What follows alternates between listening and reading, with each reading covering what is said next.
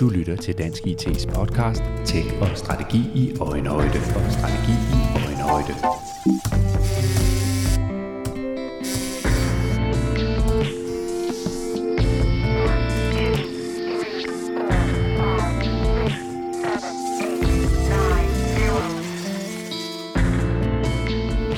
Biometriske teknologier har over de senere år gennemgået en markant udvikling og modning, og i dag muliggør de en lang række smarte digitale løsninger, hvor der både er høj sikkerhed og høj brugervenlighed.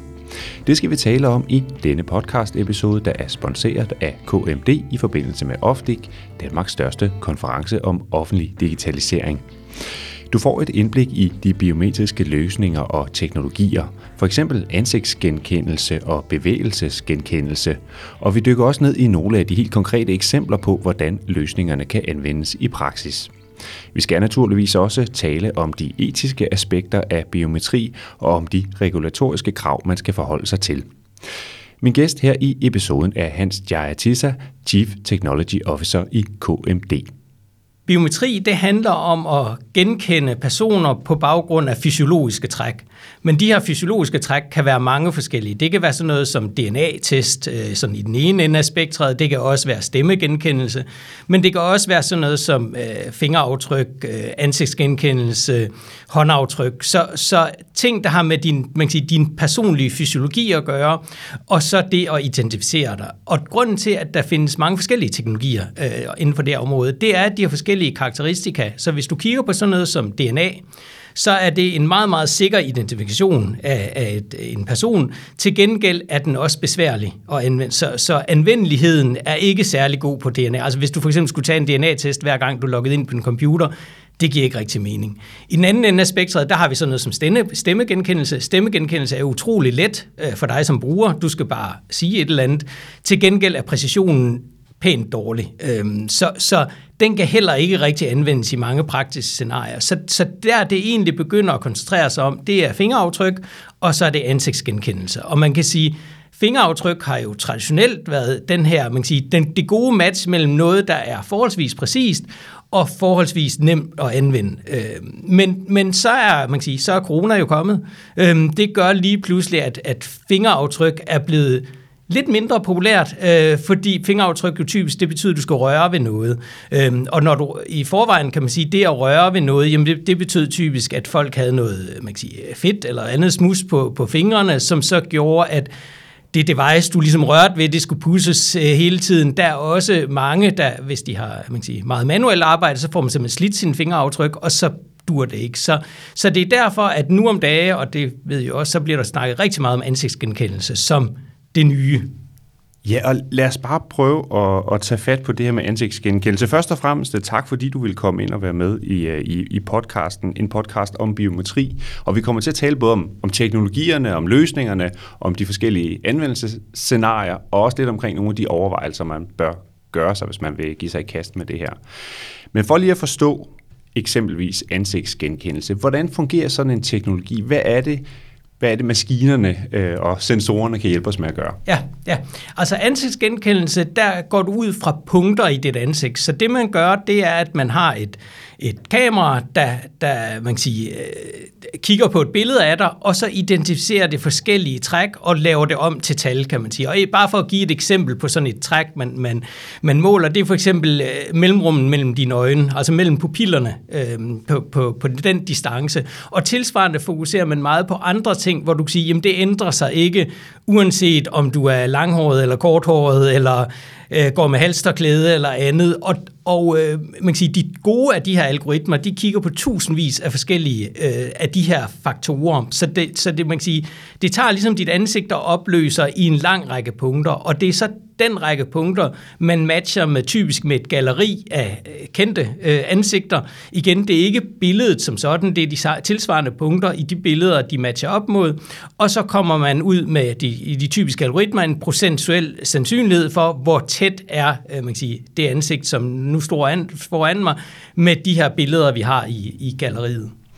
Så hvis jeg bruger min øh, smartphone, hvis jeg logger ind på den ved, at den øh, genkender mit øh, ansigt, så er det en biometrisk øh, løsning? Ja, Lige præcis. Og det er også et eksempel, fordi man kan sige, der er egentlig tre forskellige øh, man kan sige, scenarier i forhold til ansigtsgenkendelse. Der er det, vi kalder en-til-en match.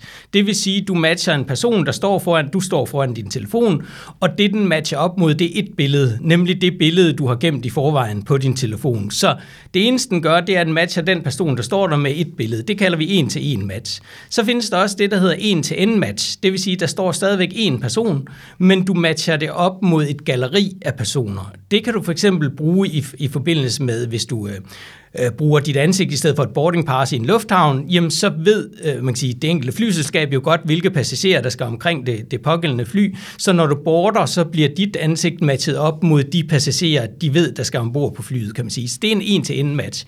Og så er der den sidste, som hedder NTM, og det er det, vi man kan sige, øh, også kalder masseovervågning. Det vil sige, du har et kamera, der har, kigger på mange personer på én gang, og du matcher op mod et galeri, typisk også af mange, mange personer. Det er det, vi kalder NTM-matching. Øh, Så det er en af de tre modeller, der findes. Og de, og de er jo alle tre, kan man sige, i spil i forskellige grad ude i samfundet i dag. Ja.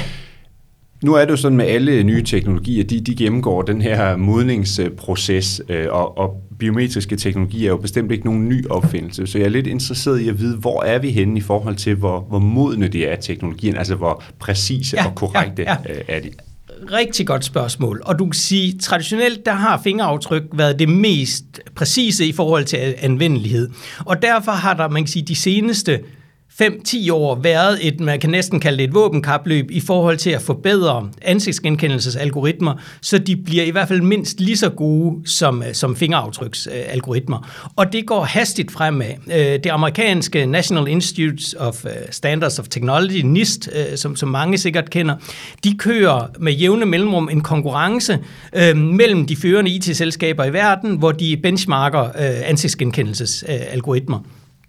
Øhm, og det sidste blev holdt, nu har der været corona og andet, det har åbenbart også indflyttet. Sidst var i 2019, hvor, hvor jeg så er stolt at sige, at NEC som ejer af KMD øh, man kan sige, vandt konkurrencen, men det de, det, de skrev NIST, det var, at der var 50 algoritmer, der blev sendt ind, og det var jo fra Microsoft og Google og alle dem, man kender, plus en lang række spillere, man aldrig har hørt om.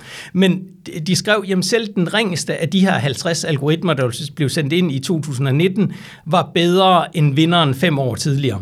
Så så hurtigt sker udviklingen. Mm. Og hvad, hvad er det, der gør, at den udvikling sker så hurtigt? Altså, hvor er det? Øh? Det, det er jo, øh, ligesom, I, ligesom, ligesom lytteren sikkert ved, at, at generelt billedgenkendelse er virkelig blevet, blevet forbedret gennem de her dybe neurale netværk og tilgangen til yderligere computerressourcer, kan man sige, så er det jo præcis det samme, der, der gør sig gældende her. Så, så det, er, det, du kan sige, det er udviklingen i AI, der har gjort, at ansigtsgenkendelse er blevet markant bedre. Men også i forhold til, fordi en ting er selve genkendelsen, men der er jo mange andre aspekter i det. Øhm, nogle af de ting, som, som øh, stadigvæk driller algoritmerne lidt, det er for eksempel alder. Øh, hvis du for eksempel skal matche op mod et pasbillede, så kan det jo op, være op til 10 år gammelt.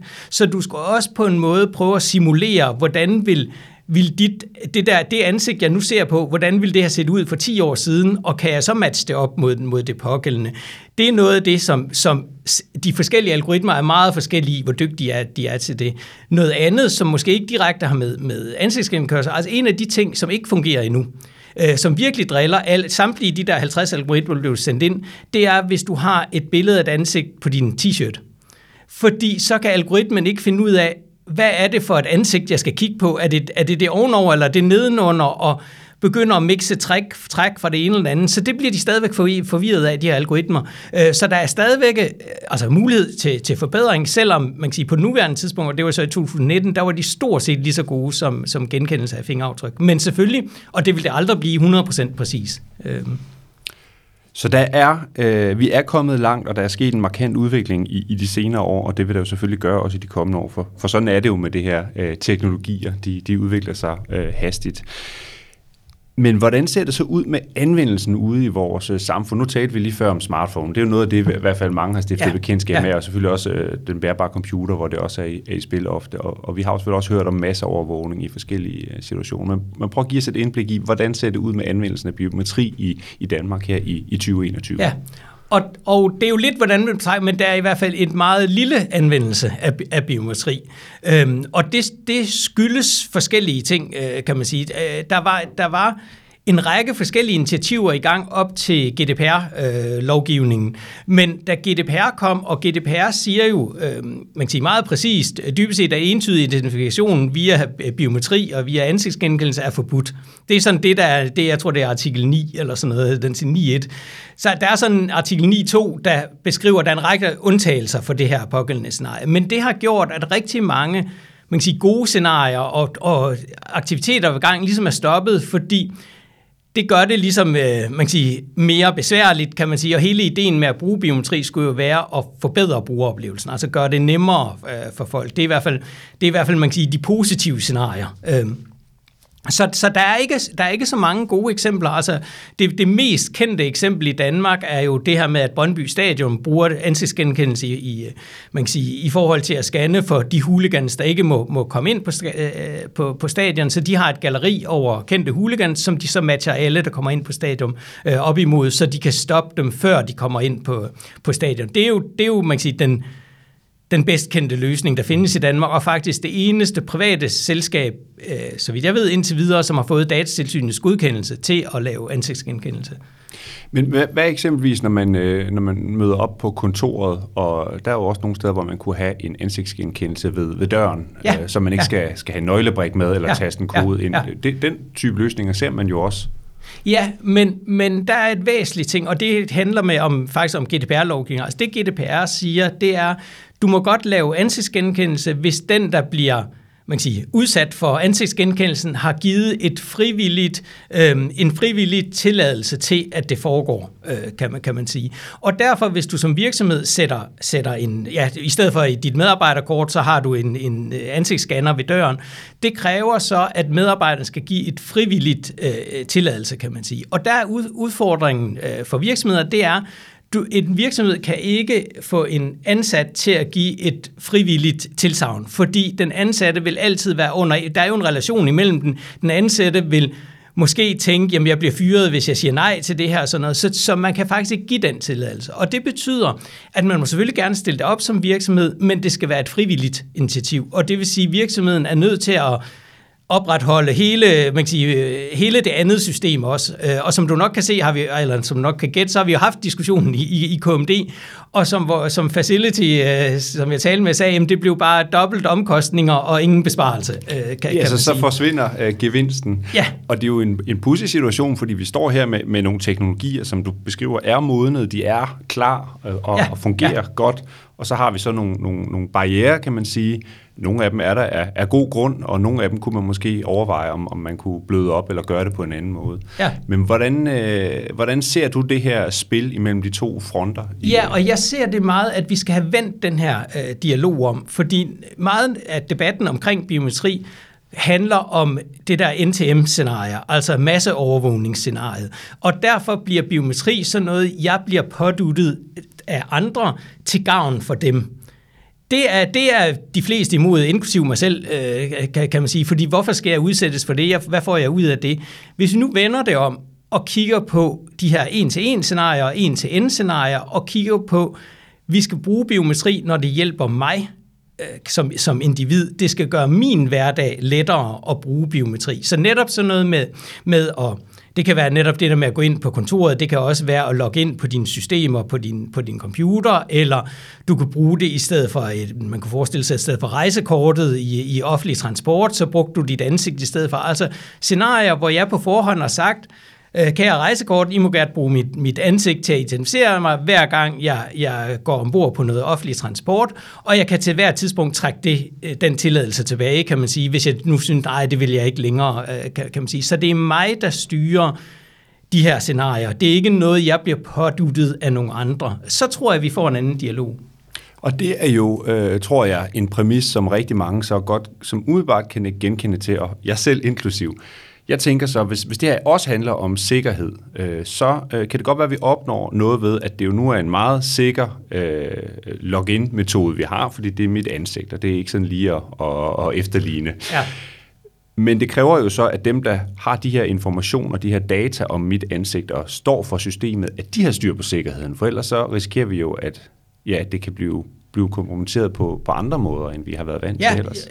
Helt, lige nøjagtigt. Helt ligesom alle de andre data, de gemmer. Fordi det gælder jo også det password, du bruger i dag.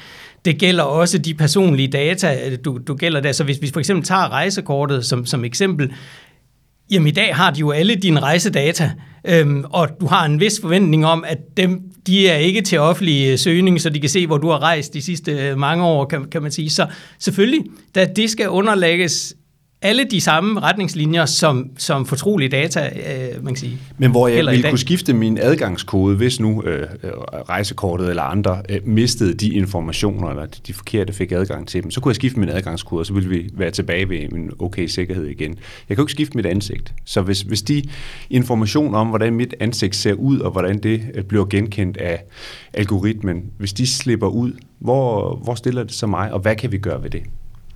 Jamen, du kan sige, altså for det første, så er det jo ikke, altså det galleri, man matcher op mod, det er jo ikke et galleri af billeder. Som sagt, det er de her punkter. Og de punkter er jo ikke noget let genkendeligt. Altså der står 7, 9, 15, 3,41 et eller andet. Så du kan ikke tage de punkter og reverse engineer ind til et billede. Øhm, det kan simpelthen ikke lade sig gøre. Så dybest set er det en lang række parametre. Du har ingen viden om, hvad det er. Så du ved ikke, om det der det er faktisk øh, afstanden mellem øjne, og det der det er afstanden mellem dine næseborer og sådan noget. Så det har du ingen anelse Så i virkeligheden er de, man kan sige, af natur ret krypteret i det. Du kan, du, kan ikke, du kan ikke umiddelbart bruge de data til særlig meget, øh, kan, kan, kan man sige.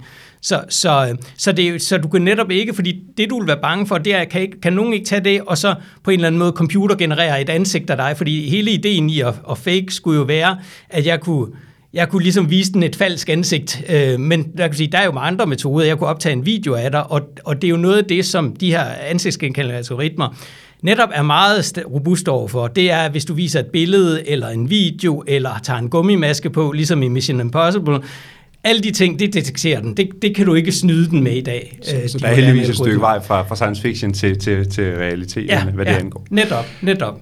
Godt, så du mener, at vi skal prøve at kigge øh, mere over i retning af brugervenlighed, øh, frem for kun på, på sikkerhedsaspektet her? Ja, men jeg siger ikke, det er, det er enten eller, øh, kan man sige, fordi jeg tænker, det, det, jeg har det meget med, jamen sæt nu borgeren i centrum, eller man kan sige, øh, forbrugeren i centrum, og ikke alle mulige andre. Så hvis vi, hvis vi kigger på sikkerhed, så kan der nemt være et scenarie, hvor det giver mig sikkerhed. Og det, nu, man kan sige, man læser jo i avisen, der er rigtig mange, der er øh, bange for at gå alene hjem om natten, hvis de har været i byen, og især hvis vi nu forestiller os øh, strøget i København, kan man sige, så er der, tror jeg, der er rigtig, rigtig mange, der ikke ønsker at gå alene hjem, hjem gennem strøget klokken 3 om natten en, en lørdag aften. Hvis vi nu forestiller os, at der var øh, videokameraer øh, på strøget, men de var default var de, var de, der var ikke noget ansigtskendelse, der var ikke noget som helst, men jeg kunne godt som borger sige, jeg vil nok have en app, hvor jeg ligesom sagde, jamen, øh, jeg er Hans her, jeg vil, jeg, nu går jeg gennem strøget her, øhm, og, øh, og øh, jeg står og kigger på kamera nummer 37, kan man sige, og så track mig lige, mens jeg går gennem strøget. Og det vil sige,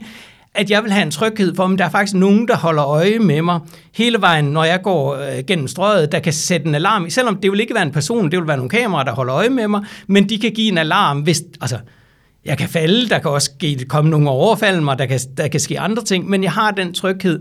Jeg er ikke alene her. Der er faktisk nogen, der holder øje med mig, men det er noget, jeg selv har valgt. Det er ikke anonyme kameraer, som man kender fra andre øh, hvad hedder det, steder i verden. Det er faktisk noget, jeg har bestilt, øh, der, der følger mig. Så det bliver en service, jeg selv aktivt øh, til ja. øh, vælger. Øh, Netop. Og, og på den måde kunne man vel også forestille sig i det private hjem med, med ældre øh, mennesker eller sårbare mennesker, der kunne øh, have en interesse i, at et kamera ja. øh, på den måde kunne... Og, men at de selv styrer det. Så, så på pleje, jamen, jeg vil egentlig gerne overvåge om, om natten, men man kan også vel, nej, i, i nat gider jeg egentlig ikke, eller nu får jeg gæster, det, det, det skal I ikke øh, blande jer i, kan man sige. Så det bliver meget mere ens eget valg. Hvornår vil jeg gerne øh, føle mig tryg? Fordi, fordi det sjove ved, selvom vi har meget skeptisk over for, skepsis over for ansigtsgenkendelse, hvilket giver super god mening, så giver det jo faktisk også en tryghed, at der er nogen, der holder øje med dig. Du vil bare gerne vide, hvornår det sker, og selv bestemme det. Og på den måde er den form for biometri, som du står og beskriver her, jo, jo markant anderledes end det, man oplever øh, andre steder i, i verden, hvor det, hvor det i høj grad bliver bragt i spil som en måde at, øh, at overvåge befolkningen på. Lige præcis, og det, det er jo der, hvor man kan sige, øh, Europa og især EU ligesom kigger på, der må være en anden vej inden for det her biometri. Fordi hvis man sådan meget groft kigger på det i dag, jamen så har vi den kinesiske måde, hvor det er staten, der bruger ansigtsgenkendelse, og de bruger det til, man kan sige, til hvad de end vælger at bruge det til, også rigtig meget, som vi ikke synes er, overhovedet ikke synes er ok, kan man, kan man sige. Så kan man kigge mod USA, som er en anden stor spiller inden for biometri. Der virker det som, det er de store virksomheder, der, der igen, de må gøre stort set, hvad de vil, øh, kan, kan man sige. Så vi har de der to lejre, hvor det enten er staten eller de store virksomheder, og der er det jo EU meget kigger på, som man jo også gør på mange andre måder, kan vi ikke sætte borgeren i centrum. Altså kan vi rent faktisk ikke finde den der etisk forsvarlige vej, øh, også til, til biometri. Og øh, noget af det, der senest er sket, det er jo, at øh, EU-kommissionen her sidst i april har lanceret et forslag til regulering af AI i, øh, i Europa, altså en tilsvarende til en GDPR-lovgivning, bare inden for AI, og øh, biometri ses jo som et, man kan sige, et specialtilfælde eller en del af, af AI, så det er også, også underlagt den, den øh, pågældende regulering. Det er stadigvæk et forslag, som har været til høring. Vi har i KMD også sendt, sendt vores, øh, vores øh, kommentar ind til det, og så vil der gå et år til et lande, øh, halvanden, før det bliver regulering. Men det, der står i den, det, det forslag til regulering, det er netop at sikre, at det her det er til individets gavn. Så blandt andet forbyder det øh, en lang række scenarier, hvor det bliver brugt til at udnytte borgere. Altså det her med at bruge AI til at manipulere øh, Øh, personer til at gøre noget, de ellers ikke, ikke ville have gjort. Det bliver simpelthen forbudt i forhold til den regulering.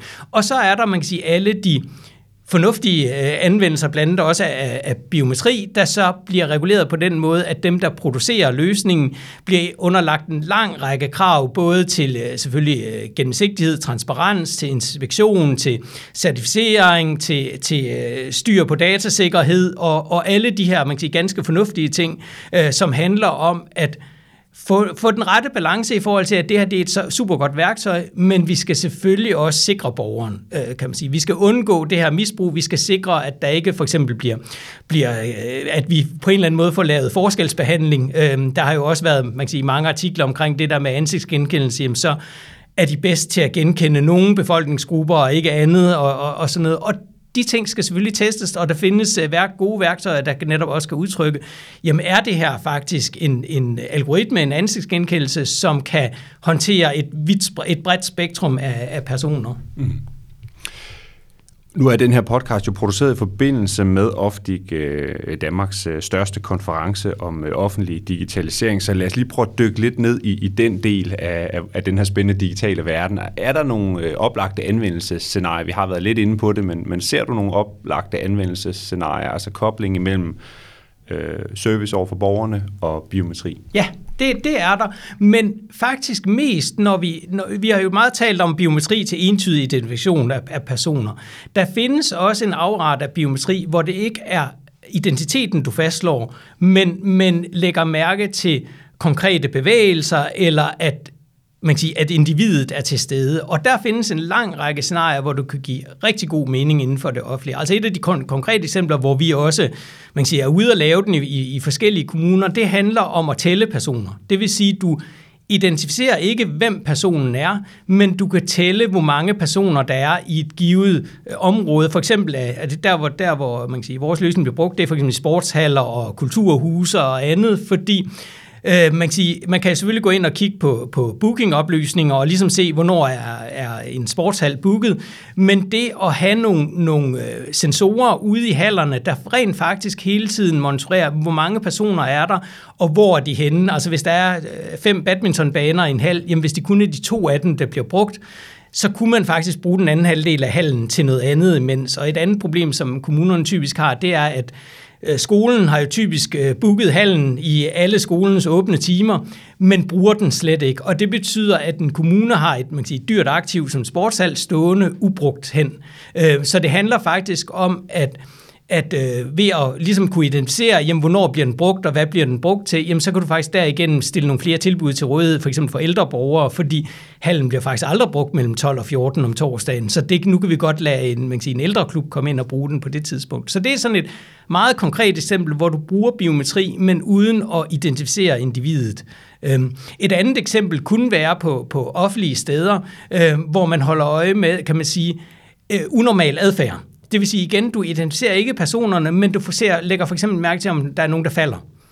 Øhm, og, og ligesom kan vedkommende faldt, men rejse sig ikke op igen. Nå, okay, så må vi lige sende en alarm. Det kan man selvfølgelig gøre på pladser, men man kan jo også gøre det inde på plejehjem og andre steder, ligesom identificere, nu er der en, der er faldet, vi giver lige en alarm øh, til en. Så det med at, at holde øje med unormale bevægelser er faktisk også et område, hvor, hvor man kan kigge på, der kunne man virkelig også øh, hjælpe til. Men ellers, hvis vi, hvis vi går over i det med entydig identifikation, kan man sige, så er der selvfølgelig nogle scenarier, som måske Altså, det, man kan selvfølgelig gøre det, men jeg ved faktisk ikke, om det giver den... Altså sådan noget som, når du møder op på borgerservice, der, man kan sige, det første, man gør, når man kommer op på borgerservice, det er jo at tage sit sygesikringskort og så scanne det. Det vil sige, man entydigt identificerer sig lige snart man kommer ind. Det kunne jo godt være, at man bare blev ansigtsgenkendt i stedet for. Så kunne man også have glemt sit sygesikringskort, og stadigvæk øh, komme til, øh, kan, man, kan man sige. Så, så selvfølgelig kan man lave sådan nogle ting, og tilsvarende for medarbejderne i kommunen kan man jo bruge det til, til øh, at logge ind på, på øh, sine forskellige systemer, eller i stedet for et nøglebund, hvis man nu skal rundt på mange forskellige bygninger i en, i en kommune, og så, så derimod der, i stedet bruge ansigtet til at komme, komme ind ad døren. Hans, når man står og hører dig øh, beskrive de her scenarier, så øh, er det jo helt åbenlyst, at der er simpelthen en masse spændende muligheder og et betydeligt potentiale inden for de biometriske øh, løsninger. Øh, og samtidig så står man så også med den her fornemmelse af, at næsten hver eneste punkt, du nævner her, der vil være nogle dilemmaer eller nogle diskussioner, der bliver nødvendige, vi tager også ja. samtidig med. Hvordan øh, ser du, at det her skal udfolde sig i de kommende år? For, for, for der er ikke nogen tvivl om, mulighederne er der, men de potentielle problemer og dilemmaer er jo også til at få øje på. Ja, lige nok. Og jeg tror, det handler rigtig meget om at man kan sige, starte langsomt. Det her det er ikke noget, man skal føle med, der bliver presset ned over en. Og så starte med at få nogle erfaringer med det. Fordi det, noget af det sjove ved det her med biometri, det er jo, at jeg havde det også selv. Altså når du umiddelbart hører om det, sådan intellekt, så tænker du, det lyder forfærdeligt, kan man sige. Det er, det er absolut ikke noget, noget, jeg skal have med at gøre. Når man så oplever det, så tænker man, hvor er det bare fedt, øh, det, det her. Altså jeg, jeg oplevede selv, jeg var over at besøge øh, NEC i, i uh, Tokyo i, på deres hovedkvarter, hvor de har nogle døre, hvor du låser op via dit ansigt. Og det gode er jo, at du ikke engang er klar over det. Altså, du går hen du har jo fået registreret dit ansigt på forhånd. Du går hen, du skal ikke kigge et bestemt sted hen, for de moderne ansigtsalgoritmer, de kan, de kan scanne dig uanset fra hvilken vinkel, og når du, når du øh, man kan sige, tager et dørhåndtag, så kigger man oftest på, altså det er de færreste, der kigger væk, mens de, mens de åbner døren.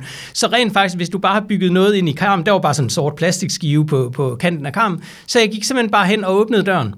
Og det var sådan, jamen, har I snydt mig? Havde I låst døren? Fordi det, det virkede, fordi det der, det er jo millisekunder, det tager at, at genkende mig, og den kan jo fange mig længe før, så den har jo låst døren op, før jeg har taget i dørhåndtaget, øh, kan man sige. Så det virker, altså jeg tænker, hvor er det bare lækkert.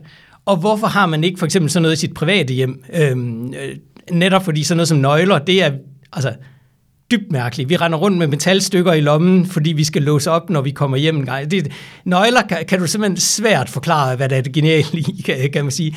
Men det vil være så lækkert, så jeg tror, det handler om, at folk skal begynde at have de erfaringer. Og det er selvfølgelig startet med telefonerne. Det er jo rigtig godt, og de færreste tænker over, at det faktisk er en biometrisk øh, øh hvad hedder det, anvendelse. Og så tror jeg på netop, at hvis det offentlige begynder lige så langsomt, og for eksempel det her med at tælle personer i haller og sådan noget, som er meget ufarligt, og hvor borgeren kan se, Jamen det er jo en fordel. Nu kan vi faktisk bruge vores haller endnu mere, fordi der, der var bare ledig kapacitet, der stod der og lavede, lavede ingenting. Så de der scenarier, hvor man føler, at der er faktisk noget gavn i det. Tilsvarende tror jeg rigtig meget på lufthavnsscenariet, fordi det at bruge dit ansigt i stedet for et boarding pass, det der er mest irriterende i en lufthavn, det er det der med, at du skal fumle med dit boarding pass hele tiden, og det er fuldstændig uvist, hvornår det er, man skal bruge det, hvornår man skal pakke det væk, og, og, og sådan noget.